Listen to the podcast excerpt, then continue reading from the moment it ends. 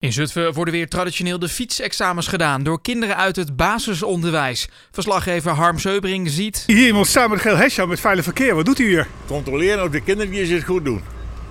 En het is de bedoeling dat ze dus eh, het hand uitsteken en dat ze dus daar lopen vanaf half elf.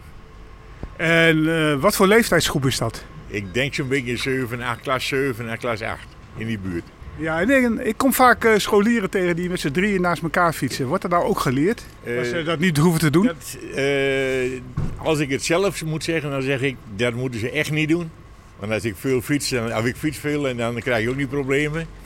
Maar eh, ik denk dat ze even die nummer opschrijven. En ik zie hier eh, net eh, nummer 47 eh, voorbij fietsen. Ja. En die maakt nou een notitie. Wat zit hier erop? Alleen het nummer.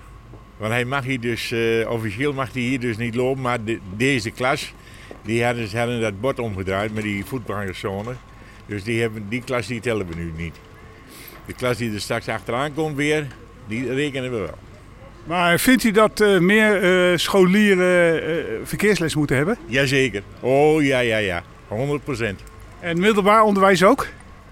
ik denk dat dat nog erger is. U ontdekt wel veel fouten van fietsers. Eh, ja, dat klopt echt. Dit is, af en toe vind ik het erg. Maar goed, dat is eh, mijn idee.